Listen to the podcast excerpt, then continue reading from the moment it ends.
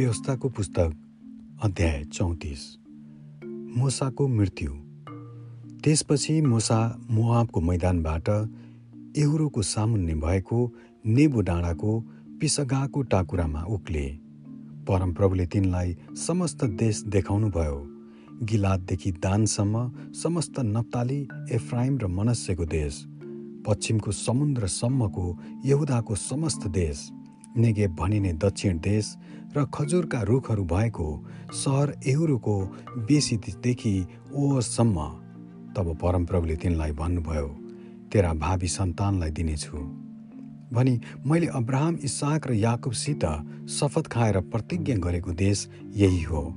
मैले तँलाई यो तेरै आँखाले हेर्न दिएँ तर त त्यहाँ जान पाउने छैनस्। तब परमप्रभुको वचनअनुसार परमप्रभुका दास मोसा मोआब देशमा मरे। मोआब देशमा बेतपोरको सामुन्ने एउटा बेसीमा उहाँले तिनलाई गाड्नुभयो। तर आजसम्म कसैलाई तिनको चिहान थाहा छैन। मोसाको मृत्यु हुँदा तिनी एक सय बिस वर्षका थिए। तिनका आँखा कमजोर भएका थिएनन्। तिनको बल पनि घटेको थिएन। मुआबको मैदानमा इजरायलीहरूले मोसाको लागि तिस दिनसम्म बिलाप गरे। यसरी मोसाको लागि शोक र बिलाप गर्ने दिन पुरा भए।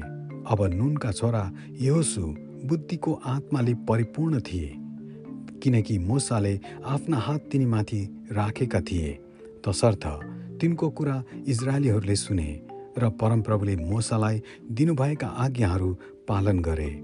त्यस समयदेखि इजरायलीहरूमा मोसा जस्तो कोही अगमवक्ता खडा भएको छैन जसलाई परमप्रभुले मुखामुख चिन्नुहुन्थ्यो।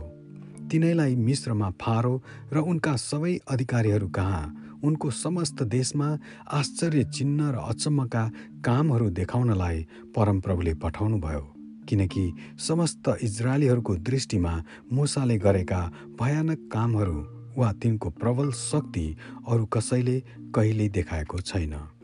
आमेन।